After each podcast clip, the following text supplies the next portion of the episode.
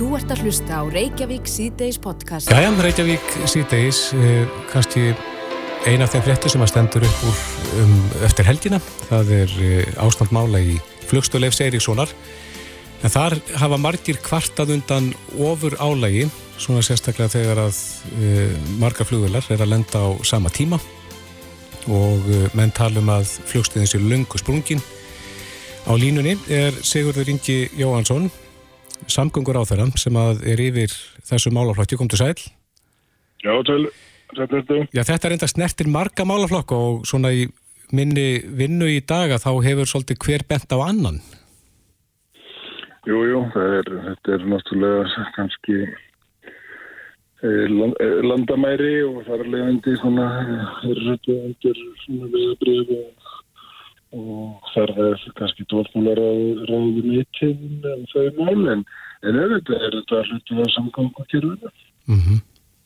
Og þetta er nú bara svona hlið okkar inn, inn á út úr landinu. Við erum verið að leggja miklu áherslu á að búa til fleiri hlið, en mitt það meðal annars þess að það er válegi. Það var það okkur eru og heilstöðu.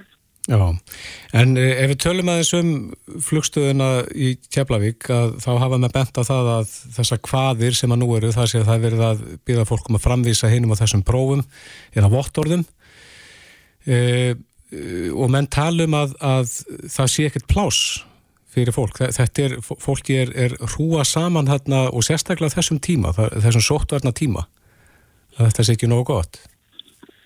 Já, það er þetta svo sem búið að vita það að þegar að 2018-19 þá voru mikil áform uppi og þau eru reyndar ennþá í gangi að stækka flugstíðan og leika rýmið en við þetta búum við núna og það er svo sem það sama á all flestum fljóðallum annar staðar þar sem að mjög mörg lönd eru nú að, að hérna, fara fram á þessi votturð og hraðpróf eða PCR-próf eftir aðtökum og uh, ég held að þegar við erum komin með ákvörðun sem að mann gilda til einhvers tíma þá verður mann bara leggjast yfir það lösna miða hvernig þetta gengur best fyrir sig og, og finna, finna leiðina til þess. Serði eitthvað leið til að bregðast því ástandinu núna í dag? Já, ég veit, veit ekki annað en að þeir sem þarna vinna eru, eru svona skoðað þar og, og hérna og menn hefur rætt um það það fyrir að við erum að fara að horfa til lengri tíma og, og verðum að sjá vaksandi umferð og þá verðum við að vera með einhverjar betra flæði einfallega og það er kannski hitt hluti af því að forskráningarna séu, séu hérna, eða næsta skráði í flug til Íslands að það sé nægilega skýrt. Þannig að þegar þú sért komin á, á, hérna, á flugstöðina þá vitir þú í hvaða röðu átt að fara? Þá getur þau sannlega gengið betur ég hef svona heilt þar Já, viltu meina að þetta sé þá eitthvað skonar stjórnunavandið þarna í, í flugstöðinni sjálfri? Nei, ég held að þetta sé skipulagsleysi Ég held að þetta sé bara þrönd og menn hafa svona verið að reyna að leysa válinn svona hægt og rúlega við hverja, við hverja raun og hérna við svona þegar viðbóltar kröfur sem hafa verið gerðar og það er að það, það er flókið. Ég held að allir síðan ekki sem fram á bestu getur. Mm -hmm. Maður sem að ég hitti sem að eh, hefur nú ferðast út um allan heim, hann segir að ástandi sé hvergi eins lengt eins og í Keflavík. Já, nú þór ég ekki fullir af það. Ég hef lítið farið erlendis en ég veit þá það að, að, að sumarflugstuðar eru, eru nokkuð stórar og það er ekki mikið flug. Þannig að það getur verið þess að rýmra þar. Okkar flugstöð hérna, var orðin of lítil með þetta umfang sem var komin í. En það eru þetta hverki komin nærri þeim mörgum en, en við veitum það að það er frönd til þess að aðtana sem er svona nýjum kröfum. Já, hvað með að stýra flugumferð til landsins þannig að allir sé ekki að lenda á sama tíma? Það er örglega reynd að gera það eins og skynsalegt er til þess að hafa álægið hérna. En þó þannig að mann komist á milli áfangarslaga það er, það ju hérna, það er, er bísnuflóki kerfi til þess að missa ekki af, af framhaldslögum og annaðið þeimtur eins og við þekkjum. Mm -hmm. Þess að það var svona ákveðið slott verið, verið vinsætli en annars. Já. En uh, aðeins að húsnæðinu sjálfu, hefur, hefur ekki staðið til að stækka flugstöðinu í ykkur tíma? Jú, það er þegar áforma að vera uppi uh, kannski eðlilega fórum við ekki á fulla ferð í, í fyrra í þeirri óvis en, en einhvað síðar þá er bæði fjármagnar og sett inn hérna og ég veit ekki annað en að, að ég safi að sé að undirbúa það. Hefði þið kannski verið sniðut þegar að engi flug voru að koma til landsins að, að fara í þá vinnu? Já, að byrja fyrir það tekur alltaf tíma að koma hlutum í gang þannig að ég, ég veit ekki annað en að menn hafi haldið áfram undirbúinum. Næ, en Sigurður, mér var bent á það að á Íslandi er eini staðurinn sem er undan þegin þessum sóttvarnalögum, þar að segja lögum um uh, grímuskildu og fjarlæða takmarkanir, eini staðurinn er flugstöðlegs Erikssonar.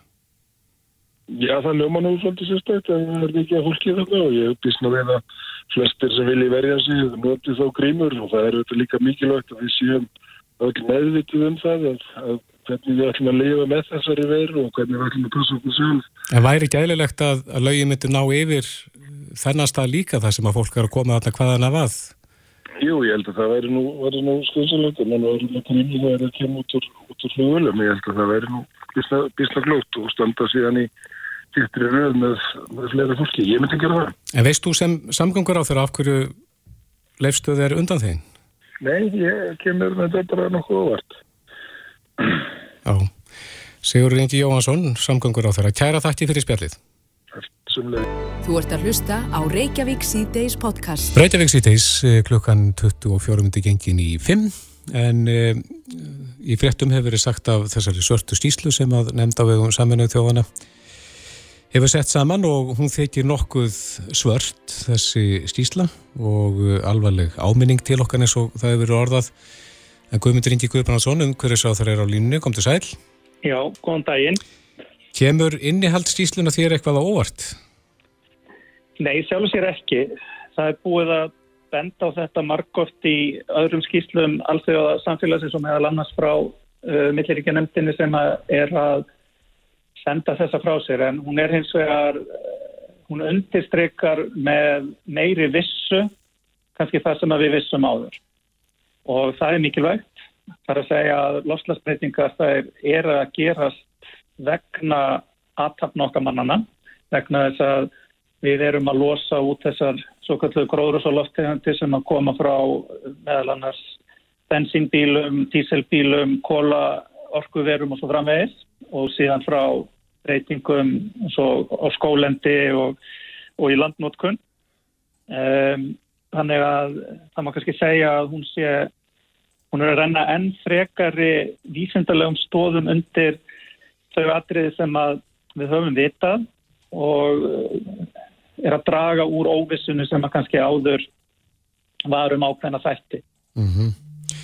Þessar öfgar sem við höfum upplifað núna í fréttum, þar að segja öfgar í veðri, er, er hægt að beintengja þetta við stöðuna? Það er að segja lofslags hérna, og, og hvað maðurinn fer óvarlega í þeim málum? Já, sko, það er eitt af því sem að þessar skýslur alltaf samfélagsins hafa verið að sína er að þessir auknu öfgar, ef við getum orðað þannig, í veðurfari eh, meiri úrhællisrykningar, meiri þurkar á öðrum svæðum um, eru allt eitthvað sem að búist er við að aukist með hlínandi veðurfari. Þannig að þó svo þú kannski tengir ekki einhvern einn e, rykningadag akkurat við þetta þá í heilsinni getur þú sagt að þetta sé eitthvað sem að tengist loslasbreytingum og það er það sem að í rauninni er farið að gera mjög mikið núna. Já. Þannig að við erum í rauninni svona að maður drefur þetta saman, við erum að horfa á graf alvarlega stöðu en við erum samt að horfa á stöðu sem að er mat þessara okkar færistu sérfræðinga í heiminum um þessi mál að við getum enn gripið til aðgerða og vissulega er það byrjað mjög víða en það þurfa að gera það hraðar og að meiri krafti. Þannig að sko orða þannig að við þurfum um, um, bæði að, að, að hérna, við þurfum að hlaupa hraðar Já, flóði í Þískalandi, skóaraldar í Greiklandi og viðar þetta tengist? Já, þetta er talið tengjast almenn aukning á þessum atbyrðum er talið tengjast breytingum á loslægi og það er náttúrulega mikið áhyggjöfni þannig að eh, ef maður horfir á þetta í heilsinni þá erum við náttúrulega að tala um breytingar sem er að hafa gríðarlega mikil áhrif á uh, líf fólks og uh, er að taka líf fólks líka mikil áhrif á uh, samfélög og efnahag fólks og heilu samfélagana þannig að það er til miklu miklu meira að vinna að grípa til róttakra aðgerða heldur en að gera það ekki hvort sem að maður horfir á þetta út frá því að um, þessi svona hvað er að segja, náttúrun að ég fá að þróast meira eftir eigin lögmálum eða ef maður horfir bara á þetta hreinlega út frá sko, efnaðslegum staðrindum sem mhm. að fylgja þessum breytingum. En svona bein áhrif á, á Ísland, hver, hver getur þau orðið? Ég vil sjá kannski fyrst og fremst, uh, myndi vilja nefna svona fremd. Það er uh, að hafið í kringum Ísland og annars þær í heiminum er að súrna mm -hmm. sem að hefur neikvæð áhrif á okkurna lífurur og það getur haft áhrif á alla fæðukæðina í, í hafinu. Í öðru lagi erum að ræða um, að jöklarnir okkar sem er mjög svona sínilegt þeir eh, eru bæðið að finnast og, og draga saman. Og kannski þriðja lagi að e, við erum að sjá væntanlega næstu árum aukna hættu á skriðuföllum vegna þess að sífreyri er að minka í, í fjárslíðum og það er að verða svona meiri öfgar í, í veðurfari þar sem að við erum að horfa til meiri rykninga og svo framvegi sem að geta valdið slíkum aðbörðum. Mm -hmm. Þannig að þetta er svona kannski meðal þeirra áhrifa sem að maður myndi vilja telja fram en aðalmálið og mér finnst það alltaf mikilvægt þegar við fáum svartar skýslu sem þessar er að hlusta eftir því að það er ennþá hægt að bræðast við og það er verkefnið okkar og það er skilda ekki bara stjórnmálamanna og, og, og hérna framkvæmdavaldsins heldur uh, okkar allra fyrirtækjana og í heldsinn í heiminum að þjóðir heims nái e, samkomiðlagi um það að e, leggja meira mörgum til þessa málaflóks. Seljum við Íslendingar eh, mengunarkota? Það hefur verið bent á það að sem sagt á ramarsreikningum okkar sjáum við stundum skrifaða eins og, eins og hér séum bæði kjarnarku og, og kóla kólorku að, að, að ræða sem er náttúrulega ekki raunin en vegna þess að við erum hluti af Evrópusamstarfi að þá er um, orkufyrirtækjunum okkar heimilt að selja í rauninni um, sem sagt svona um, vottorðum það að þessi verða framlega græna orku og þess vegna er þetta að byrtast. En, er það hluti af vandanum? Nei, það er ekki hlut af vandanum, alls ekki að mínu mati. Vandin snýst um það að við erum að menga mikið. Vandin snýst um það að við erum með eh, of mikið af kólum sem eru brend ennþá. Við erum að nota of mikið af olíu og bensíni og við erum að sjálfsögðu að hætta allir frekari oljuleit og eh, vinst, frekari vinstlu jarðarnælsnitis uh, úr þeim auðlundum sem ekki, ekki hefur verið hreift við. Er það ekki hluta vandanum að við kvittum upp og synda aflust fyrir þá sem að menga meira? Sko, uh, eins og þetta kerfi er uppbyggt í gegnum Evrópussambandi, þetta er ekki, þetta er ekki stóra málið en ef þú horfir á þetta út frá út frá því hvort að þetta sé rétt að við séum, eh, við erum ekki að, að framleiða hérna með kólum eða, eða, eða kjarnarku hér og þá er það náttúrulega ránt. Ég get alveg tekið til það. En vandamálið er að það er ennþá verið að renna eh, ólíu, bensín og kól.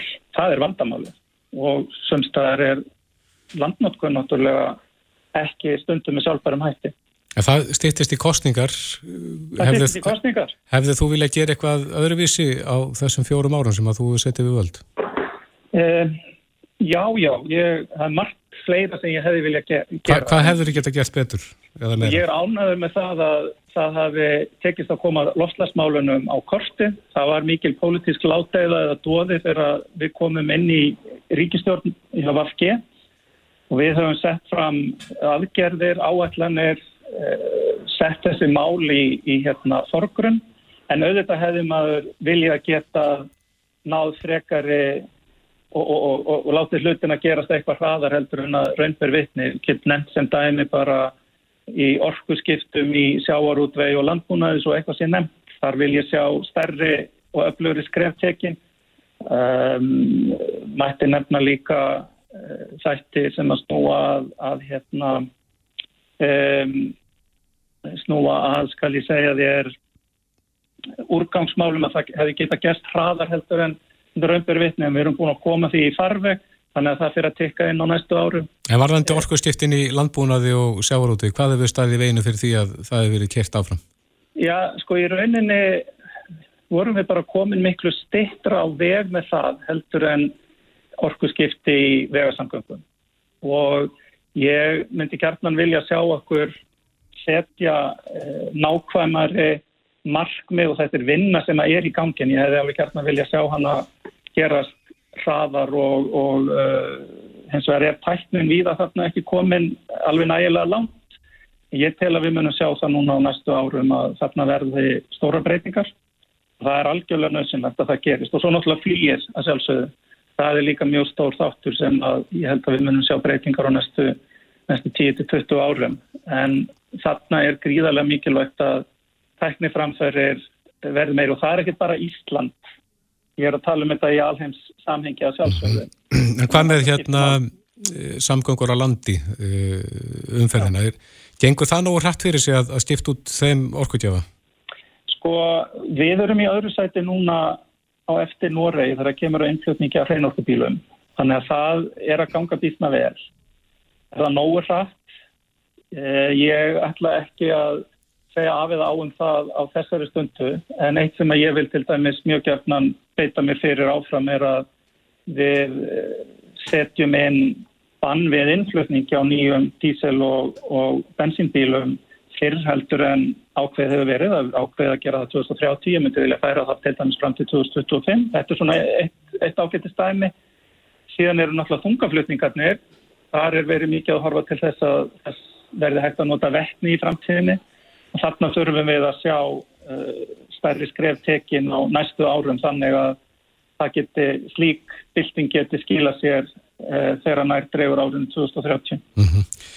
Guðmundur Ingi Guðbrandsson, umhverjus á þeirra, kæra þætti fyrir þetta. Sumulegðist, takk fyrir kælega.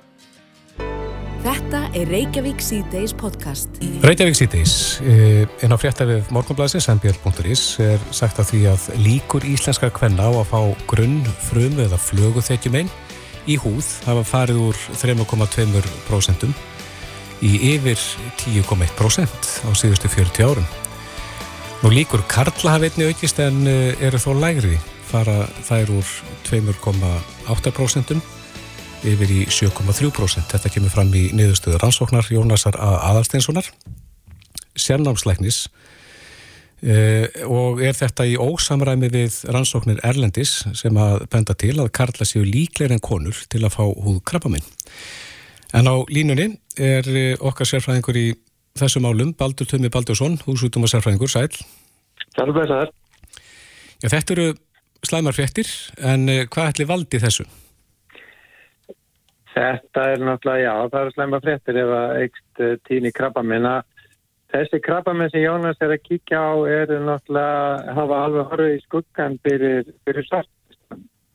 Sortæslun? Uh, já, sortæslun er náttúrulega það sem að voða mikið hefur að tala um uh, af því að þau eru náttúrulega bandvæn, eiginlega geta verið bandvæn hvað sem er á meðan Uh, flöðuþykkrafmennin eru eiginlega bara skadleg í andliti og eða á höfði getur við sagt. Þannig að yfirleitt er náttúrulega hægt að, að retta málan með þeirra annar staðar. Mm -hmm. með einfaldir uh, og grunnfrumkrafamennin eru nánast aldrei skadleg þannig heldur. Það er einmitt þegar þau eru tekið þau dreifast þeir aldrei á fjarlagana þau, þau stakka svona örhægt og, og, og dreifast er ekki út fyrir húðina þetta er ekki, já, þetta er ekki undanfari eh, sortu ægslis Nei, þetta er svona þetta er, þetta er sem sagt uh, tíðni á húðkrabbamennu tíðni á flöðikrabbamennu er í algjörlega réttin hlutvalli við það magn uh, útjöfnblári geyslunar sem að húðin hefur fengið. Það er algjörlega bein lína og þetta hefur Þetta eru þá rannsóknir sem að um, Marx nokkuð gerði í Ástralíu á, á Ástralun sem flutti eins og við er frá Englandi þar sem er nú kannski einhver sól en þó ekki mikil yfir til Ástralju þar sem er mjög mikil sól og, og þá uh, vittist þetta koma í ljós. Uh, ég hef því mér ekki geta kýkt á grunn heimildana fyrir grein í morgunblæðinu. Uh, mín, þannig að ég verð svona eiginlega bara að leita í minn reynslubanka. Mm -hmm. og, og hann er klárlega sá að Uh, það er til dæmis tala um, um hérna sól, eh, nei, um uh, krabba minn á fótleikjum eða á fótum, krabba minn gerur ræðar til einhvers konar krabba minn skrá, það var það á öllum ganglinum, allavega þá þá er það tannig að, að konur almennt eru mjög mikið með fótleikjana í sólinni. Og ég var að tala um það að, að flöðutekjukrabba meinum fjölgar í, í léttu hlutarli við útrúbláða geysla en þó er þessi áhrif sko mest í sem nær drefð þar sem þú getur lagt að hugsa að þú leggur inn á útrúbláða geysla bankan allt lífið en innleikið sem þú getur síðast ólíkt lífeyriðsgeyslunum það vefur þingst þannig að uh, síðustu kannski 20 árin hafa íslenskir lífeyriðstegar verið langtölum í sólalöndum mm -hmm. og það kemur það kannski ekki óvart að, að, hérna, að það sé þá meiri tíni krabbamina svona það sem að, það sem að sólinn fær að skýna svo að segja. Uh, á þess að þessi aldurshópur sé mikið í píkinu á strandinni. Já, hvað gerðist fyrir 40 ára síðan? Var, var þá, hófst þá innreið uh, sólarbekkja? Nei, ég, ég held að þetta sé meira hinn harða sól, sko. Hinn harða sól, bara gula kringlan sem að menn hafa fengið sko í sólandaferðum. Það er sem sagt ólíkt e, sortæksni eru miklu svona skrítnari fyrirbæri þessi sortæksni sem eru þá mjög hættulegt vegna þess að þar er það ekki beininist uh, slutfatt tíminn með útölbar geyslun heldur er það meira þessi púlsaða þessi ofur notkunn eftir að maður segja sem að vittist uh, leða til aukningar. Að vera of lengi. Aukningar á sortækslum sérstaklega ekki á fólki með mjög ljósa húð uh, sem, sem að það meira hættuði tekníska stól að meðan flöðhaukrafmennin þau eru svona uh, leiðinda hlutur leða til uh, sáramyndunar og, og svona hersla og, og körst, körstur sem að húðvæknar eru mjög mikið að, að meðhandla og, og vissulega er það nýtt tilfinninga þetta hafi aukið síðust árin en það er líklega þá sagt, árangur af hlutum sem hafa verið að geðast inn í síðan 40 ár. Eða þú nefnir að tímin í sólinni stifti miklu máli þegar að sortu æxlin er annars vegar. Er það bruninn? Já, ég, sagt, ég, ég var að segja sko að þetta er svona sortæknin eru skrítnari svona þau eru er, það er erfiðar að skilja vegna þess að við vitum öll eða allavega við útlæknir vitum það að, að þeir sem búaði mýrihafið, þeir fá ekki sérstaklega mikið á sortæknum á meðan eh, englendingar til dæmis, það sem þetta var mjög vel rannstakað, fengu bara mjög mikið á sortæknum allt í einu og þá, þá var þetta rakið til þessara púlsa að menn, menn fóru úr engri sól í rosalega mikla sól reglulega mörg ári röð og þannig urður sem sagt fóru fængabettir með að mynda uh, að mynda uh, frumbreytingar sem að gáttu þá leitt til, til sortækslu. Þannig að annars verður eftir með bara því meiri sól, því meiri líkar á flögkrafminni en hins vegar ekki því meiri sól, því meiri líkar á sortækslum heldur bara ef það miklu nær undir komið hversu mikið einmitt eins og þú sagði, hversu mikið þú brennur mm -hmm. og hversu, hversu, sko, hversu mikið þú misbýður húðin. Er sólinn á Íslanda þegar nú hefa, hefur hún leikið við fólk mjög smikið reyndar hér á landi er hún skadminni hér heldur en uh, á sólarströnd? Já, hún er það nú. Hún kemur undir meira hotni inn en hún er enga síður. Það er tölur skamtur út til bláðin geyslu sem hann fær og hérna en þeir sjúklingar sem hafa haft sko mesta skada í andliti og höndum þeir hafa hann yfirleitt verið sko verið tölvert erlendis af mínu sjúklingahópi. Nú er ég náttúrulega þetta nú ekki formið rannsókn sem er að vitni hjá mér. Þetta er svona meira það sem ég sé á, í mínu praxis. Mm -hmm, akkurat. Og líkil atriði vantarlega sólarvörn? Já, það er nú það sko að, að það er líkil atriði sólarvörn, bæði físisk eh, með, með húum og höttum, passa eirun, við viljum ekki fara að flöðu krabmin á eirun, það er einn af þessum stöðum sem það getur verið hættulegt, eiru og varit, uh, þannig að, að reyna að hafa skugga á andlitinu, nota sólavörn, uh, einhver sólavörn er betur en engin sólavörn, alltaf, uh, þannig að það er bara um að gera nota sem, sem mest að sólavörn og, og eins og sérstaklega sagt, veita höfðinu skugga því að það er það sem er lang mikilvægast í partur nýjus því að við, við höfum svo yfirleitt svo lítið að húða að mista þannig að maður þarf að skera eitthvað í pusta og getur við reytast að náðu saman aftur. Já. Baldur Tömi Baldursson, húsútum og sérfræðingur, kæra þakki fyrir þetta.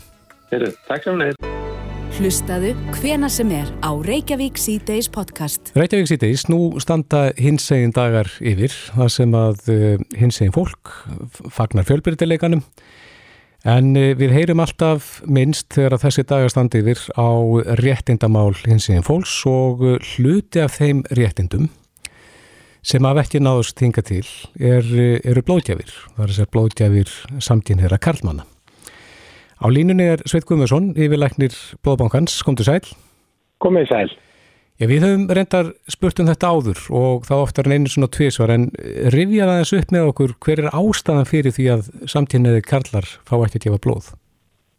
Þetta er þessi sögulega skýringar frá nýjönda áratögnum þegar að faraldur HIVF var sem mestur í þeirra hópi mm -hmm. og síðan uh, hefur nú verið þannig að enn er það svo um allan heima þegar áhættu mat geftir og HIVF, þá er MSM-hópurinn sá sem er með mesta áhættu. Er það enn en þannig í dag?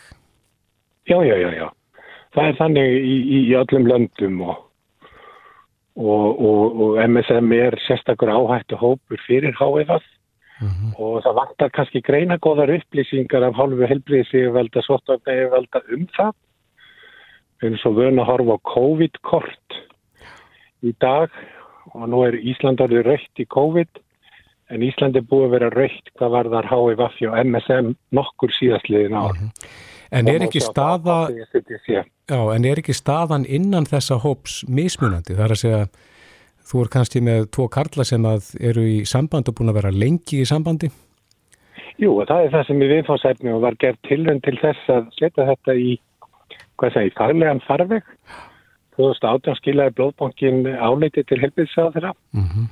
Og skömmu síðan okkur mánuðin síðan ráðgjafanemt um fagleg málefni blóðbankatjónustu. Og okkar ráðleggingu voru mjög samhljóða. Við lögðum áherslu á tvo þætti.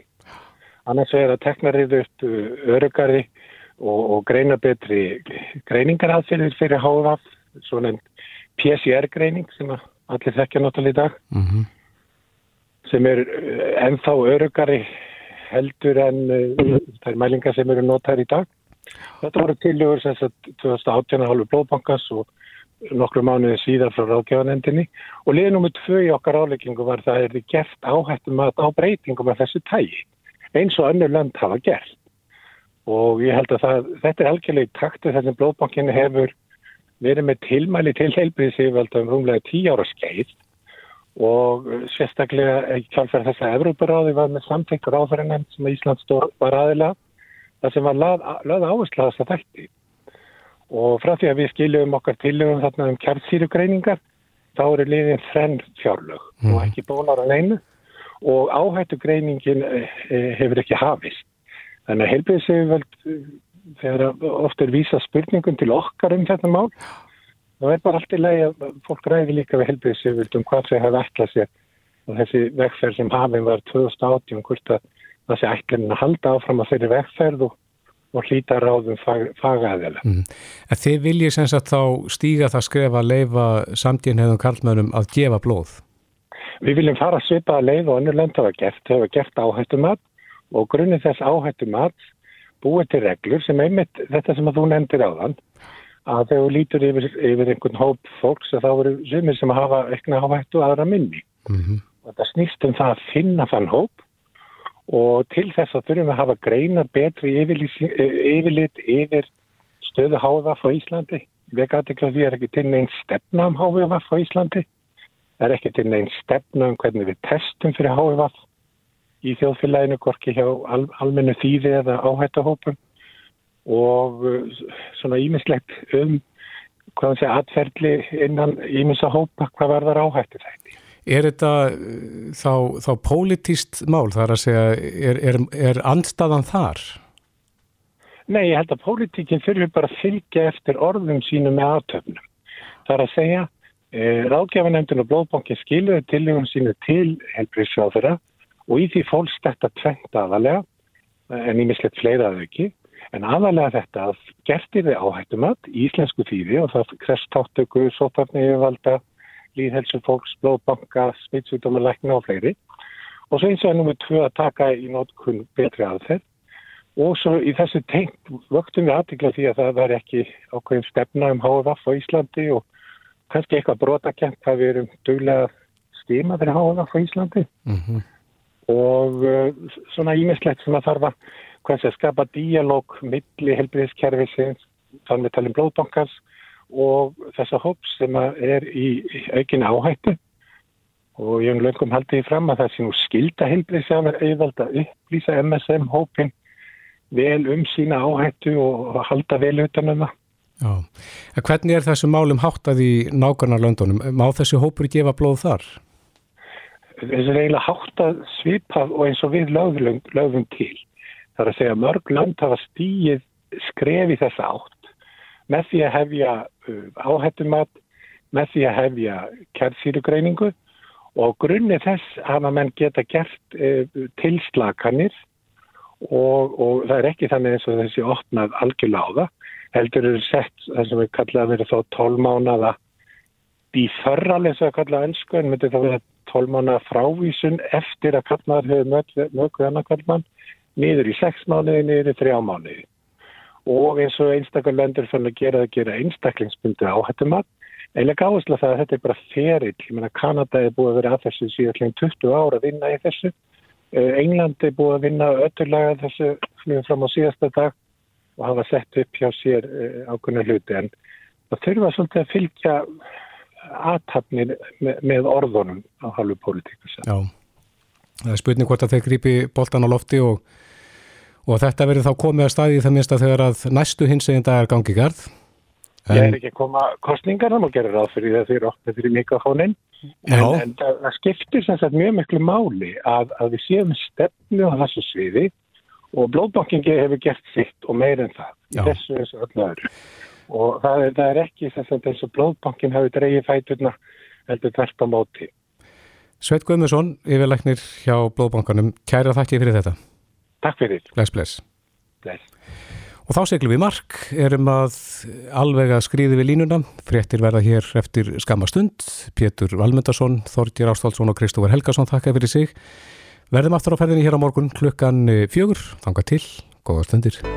Reykjavík síðdeis á Bilginni podcast. Jæja, Reykjavík síðdeis. Eh, þættinum barst bref, eins og maðurinn sagði. Það er spurning frá hlustnanda, kona sem var á leiðinni eh, til útlanda og þurfti að fara í svo kalla PCR-próf og hún fór nýra á Suðurlandsbrödd, það sem helsugæsla Reykjavíkur hefur og er til húsa.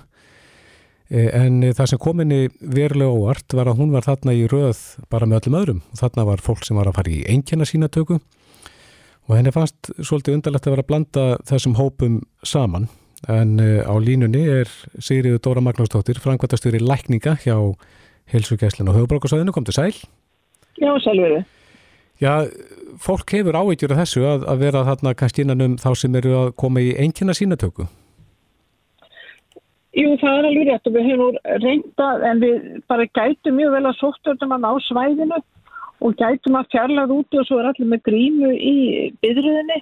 Þannig að við höfum rönt að eh, ræðis aðeins inn á daginn eftir því hvert erindi væri. Það er bara ekki, ekki gengið alveg. Þannig að við höfum þurft að blanda saman, það er alveg rétt. En bara með sóttvörnum um, og fjarlaðamörkum grímu þá og svo gengur þetta mjög hratt, þetta er mjög stuttu tími. Það er mjög skiljanlega rábendingar en, en, og vitum af þessu en uh, þetta hefur verið, við, við lítum svo að þetta sé í lagi.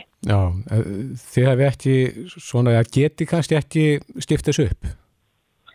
Þessi er stift upp talsvert en uh, og við vorum að taka hraðprófin inn um annan stað en nú er bara verið að bólusetta þar. Það er bara svo mikið gangur í þessu húsi að það er ekki, þó að það sé allt nýtt, þá bara er ekki hægt að við bara verðum að nota það svona. Já, það hefur líka verið talað um það að það er að koma heilu rúturnar með, með ferðamenn, fara þeir inn á öðrum stöðum? Sko þeir sem hefur hraðpróf fara á öðrum stað, að, en svo eru bara mjög mörg lönd sem að gera kröfum til sjálf og þá verður það að fara í sömur öðum. Sko. Já, akkurat. Hmm. Og þetta er eitthvað sem að þið sjáu ekki fyrir ykkur að hægt sé að breyta úr þessu? við erum alltaf að, erum alltaf að skoða og, og endurbæta þannig að við erum, að, við erum að, alltaf eitthvað nýtt á hverjum degi þannig að við erum alveg fyllilega nöðutum um þetta og reyna minni fyrirlösnu en bara það hefur ekki verið Nei. möguleg En er ekki bólusetninga fara fullt aftur? Bólusetningar eru farðan fullt aftur þannig að þessuna sem að húsið er það er bara að bólusetta allar kennara, leikskóli kennara allar að það kennur að stettin aftur núna það, sem til síðustu viku og þessari viku mm -hmm. og svo erum við að fara í næstu viku að bólusetta aðra sem að fengu Janssoni fyrstu bólusetningu erum við að koma í næstu viku og svo erum við eh, sem að fara að bólusetta börnin eða krakkarnatáningarna þannig að það er það er þett skipaði bakkurinn Verður það gert í skólunum sjálfum eða í höllinni? Nei, það verður gert í höllinni og það er búið að auðvisa það og, og verður kynnt ennþa betur. Það verður í höllinni það sem að krakkarnir mæta og það er eftir árgangi og eftir fæðingamániði og bara beðið með þeim mæti með fóröldri eða forraðamanni þannig þau séu ekki einn mm -hmm. og þannig komið samþykið þannig það er og þar verður starfsfólk í skólanum til að taka og sem er vönd að hafa aðeins róleiri yfirbræð þetta er marg kannski þegar við vorum síðast í höllinu Já. Er ráðgert að gefa öllum þriðaskamtin eða, eða einhverju sem að mega búast við því að fá ekki þriðaskamtin? það er ekki búið að taka neina ákvörðunum að gefa öllum þriðaskamtinn en það er verið að horfa á ákvörðinu hópa. Það eru fórgangshópar, þá er svo núna verið að horfa á að sem, við þurfum að bólusetta þá sem búa á hjúkunaheimilum sem var þessi fórgangshópi þrjú sem hvernig reglingjörðinni mm -hmm. þannig við erum að fara að bólusetta þau og uh, það verið gert á næstu vikum samhliða hinnum bólusettingunum og svo er bara það er bara að taka ákvörðunum um, um, fleiri hópa sem á að bólusetja með, bólu, með þrý bólusetjum og við erum það er bara ekki, ekki komið lengra. Nei, og nægt bólefni til? Það er nægt bólefni til, já. Eða samlingar um nægt bólefni þannig að hvað sem er komið til landsins en bólefni er ekki vandamál. Nei. Hvað geimis bólefni lengi? Það er bara mismunandi fyrtingatíma en það er alveg, það er góði fyrtingatíma því. En alltaf í þessu mikla, þessu mikla frösti og svo er líka er svona komið lengri fylgning eða lengri geimslutímu um, það, það þarf ekki svona þennan þetta mikla frost og, og erfið að ramma eins og var fyrst það bara eftir því sem bara kemur meiri reynslabólefnin og þá, þá sína sig að þau, þau þóla meira heldur en var fyrst gefið út með Já. þannig að það er ekki það er alveg alltaf mánuð til dæmis fyrir fæsir í vennilegum kæli þannig að, þannig að það, er, það er svona muna mikið fyrir okkur en að fá aðeins meiri sveigjanleika. Akkurat. Sigriður Dóra Magnarsdóttir, Frankværtastjóri Lækninga hjá Helsugjastluna Höfuborgarsæðinu. Kæra þætti fyrir þetta. Takk fyrir sumulegis. Bless. Reykjavík síðdeis á bylginni. Við bregðum okkur út undir bert loft í dag í Reykjavík síðdeis. Það er veðrið til þess og eh, sannkallaður blíðviðri stagur og eh, við erum hérna nýra á höfn, Reykjavíkur höfn, eh, gamlu höfninni og regnast hér á Ernu Kristjánsdóttur hún er markas og gæðastjóri Faxaflóahafna eh, við sjáum að það er ekki, ekki skip hér eh, farþegarskipin sem maður er búin að sjá á undanförnum árum. Inn við Sundin Blá og, og, og hér út á, út á flóan eh, í tögum talið. Ég veit ekki hvað eru mörg sem hafa vani komið sína hingað nema náttúrulega COVID hefur sett stryk í reikningin en, en eru þau erna að, að koma aftur skemmtverðarskipin? Herði já, við sjáum að það er engi skip við miðbakkan í dag mm. en það er við skarfabakka mm. hjá okkur og eins og staðan er núna þá erum við með 73 bókar skipakomur með í kringum 34.000 farþega og er þetta í rauninni bara væntinga skipafélagana til að koma með þessa farþega. Mm. Allir farþegarnir þeir eru að koma núna í ár í gegnum leifstöð eða í gegnum keflauguflugöll mm. Og þar eru þeir skimaðir, skimaðir mm. og farið eftir öllum sóttvartarreglum mm. sem er í gangi en hins vegar hafa sum skipin ákveð að koma með áhöfninu undan en þá þurfa þeir að vera í 14 dag á sjó til þess að skipið teljist vera reynd mm. og síðan segjum svo svo að þegar farþegar eru kominir um borð eða annað slíkt þá þarf alltaf strax að láta vita ef uppkoma hérna einhver uh, veikindi. Mm. og uh, þá er það gert hannig að hérna skipstjóri, hún er byrjað skilda að láta landhelgiskessluna vita og þá fer sérstatt viðbrað í gang. Og er bara farið eftir þeirri viðbragsállun sem landhelgiskeslan er með í, með, í samvinnu við hérna, landlækni. Er það svo að, að farþegarnir koma með flugilum til Íslands og, og, og er fara þá skimunarleið alla vegna COVID náttúrulega e, og, og fara um borð í skipin hér Já, og halda síðan för sinni áfram um, um heimsins öf? Já, þannig er það núna í ár að þeir eru að koma í gegnum keflaugaflugvöld mm. með flugi og þeir fara aftur heim með flugi. Þess að skipa útgerðirnar þar vilja fara varlega af stað og þetta er svona staði sem þeir ákveðu, já við ætlum að pröfa og sjá hvernig þetta gengur. Ísland er lítið land mm. og hérna er þú veist, það eru alveg slatti af áfangastöðum sem þeir geta farið til því að skipin sem eru að koma þetta eru þessu litlu skip. Já og hérna miðlungsskipin. Mm. Við erum ekki að fá neinn stórskip í ár mm. þannig að og það sem þarf í rauninni að komast á framfæri er að í skipunum eru hérna læknar mm. og það eru hjúgrunafræðingar, mm. farþegar eru skimaðir daglega mm. og komu upp að þeir, það kom ykkur veikindi þá eru hérna farþegar settir í sótkví mm.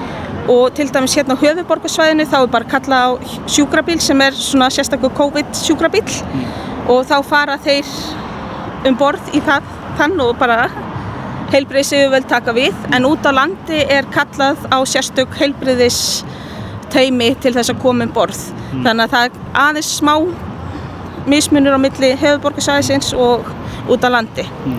og þá er yfirleitt líka þannig að þeir aðila sem hafa verið að umgangast þessa aðila, mm. þeir eru setti líka í sótkví Mitt, ég heyri að þetta er bara bísna fyrirferðar mikið sístem og, og, og uh, skipin koma hér til þess að sigla með farþega í raun og veru á hafnir landsmanna. Já, þeir, þeir eru að fara á margar hafnir núni ára því þetta eru þessi litli skip sem komast á flestar hafnir og uh, í rauninni ef bara við förum yfir tölfræna því það er alltaf rosalega gaman að pæla í henni mm -hmm. að þá er í ár uh, áallar 73 skipakomur með 34.000 farþega og skipakomurnar er í raunin eins og árið 2010 en farþegafjöldin eins og árið 2003 þannig að hérna það er alltaf gaman að pæla í þessum hlutum. Já, í mínum kolli er þetta er þetta bæði flug og, og, og, og sjófarendur sem, já, já, sem, sem að koma rauninni, Já, þetta er þannig núna í ár. Mm, mm. því að eins og útgerðina það vildi ekki taka neina áhættu. Nei. og maður skilur það líka þegar það verður að starta upp einhverju nýju aftur eftir pásu Já. að þá vilja allir fara varlega. Mm.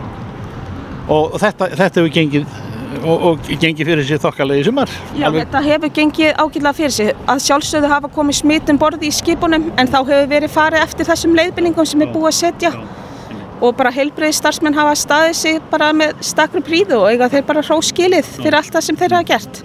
Stóru, fjallstóru skipin þar sem að menn sildu hér og, og fóru upp í 10-20 rútur og, og kerðu gullfoss og geysir hérna uh, bara með með stæl, og getur við sagt uh, það, það er líðin tíð, það kemur ekki aftur fyrir en að COVID er farið. Já, í rauninu myndir maður halda það. Þau, allan, þau eru samt með bókuð eru bókuð á næst ári en maður veit ekki hvernig það ára á eftir að fara þú veist þannig að það verður að koma í ljós. Erna Kristjánsdóttir markas og gæðastjórnandi hjá uh, Faxaflóahöfnum uh,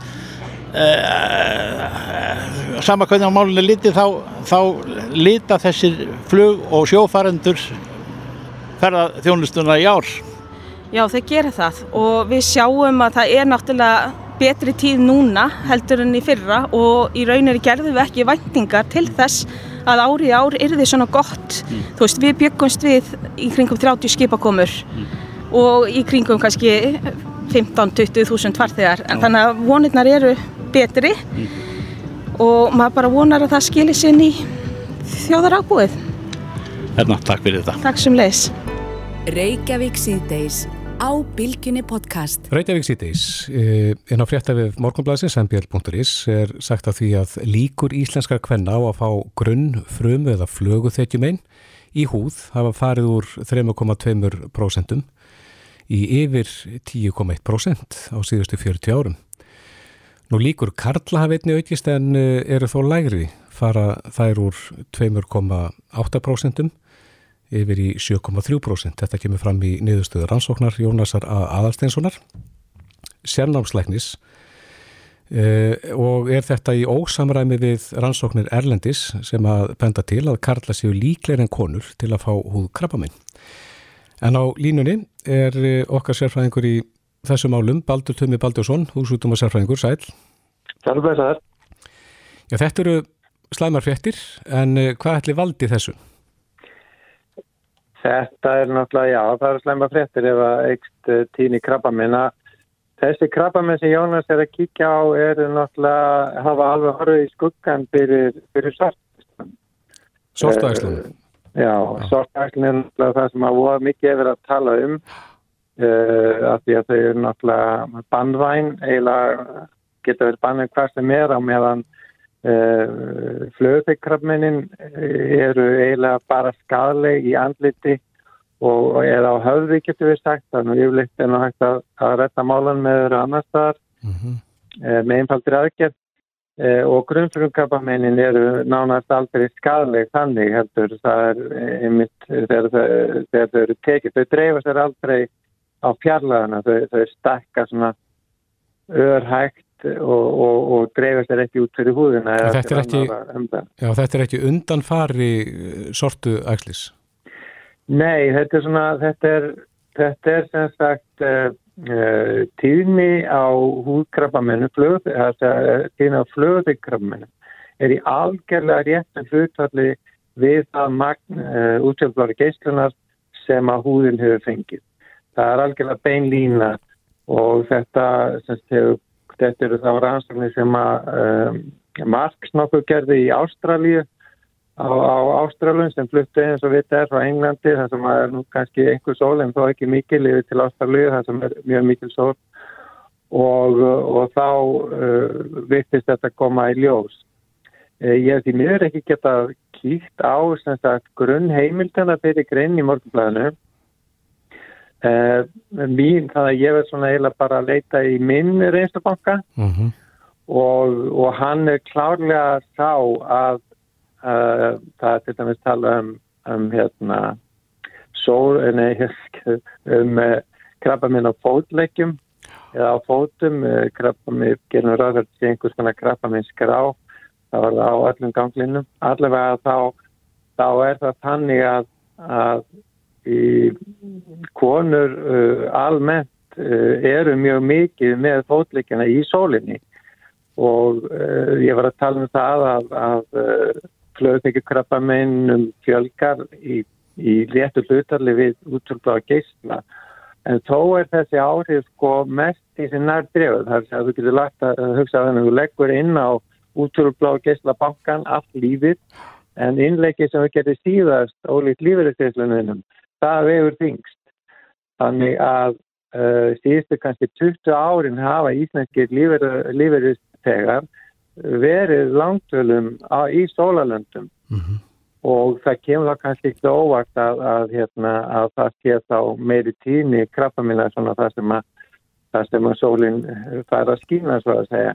uh, á þess að þessi uh, aldurshópur sé mikið í bíkinu á strandinni. Já, hvað gerðist fyrir 40 ára síðan? Var, var þá, hófst þá innreið uh, sólarbekkja?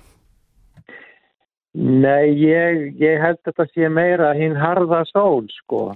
Hinn harða sól, bara gula, gula kringlan sem að menn hafa fengið sko í sólandaferðum. Það er sem sagt ólíkt e, sortækni eru miklu svona skrítnari fyrirbæri þessi sortækni sem eru þá mjög hættuleg vegna þess að, að þar er það ekki beininist uh, hlutfatt tíminn með útölfrar geyslun heldur er það meira þessi púlsaða þessi ofur notkunn eða þá maður segja sem að vittist uh, leða til aukningar. Að vera of lengi. Mikil aukningar á sortæklum sérstaklega hjá fólki með mjög ljósa húð uh, sem, sem var það meira hættu að teknika stól. Á meðan flöðhaukrafmennin þau eru svona uh, leiðinda hlutur leða til uh, sáramyndunar og, og svona hersla og, og körst, körstur sem að húðlæknar eru mjög mikið að, að meðhandla og, og vissulega er það mjög tilfinning að þetta hafi aukið síðust árin en það er líklega þá sagt, árangur af hlutum sem hafa verið að geðast einmitt mm -hmm. síðan 40 ára. Ef þú nefnir að tímin í sólinni stifti miklu máli þegar að sortu æxlin er annars vegar, er það brunin? Já, ég, sagt, ég, ég var að segja sko þetta er svona sortæxlin eru skrítnari svona þau eru er, erðar að skilja vegna þess að við vitum öll, eða allavega við úrleikni vitum það að, að þeir sem búaði mýrahafið, þeir fá ekki sérstaklega mikið á sortæxlum.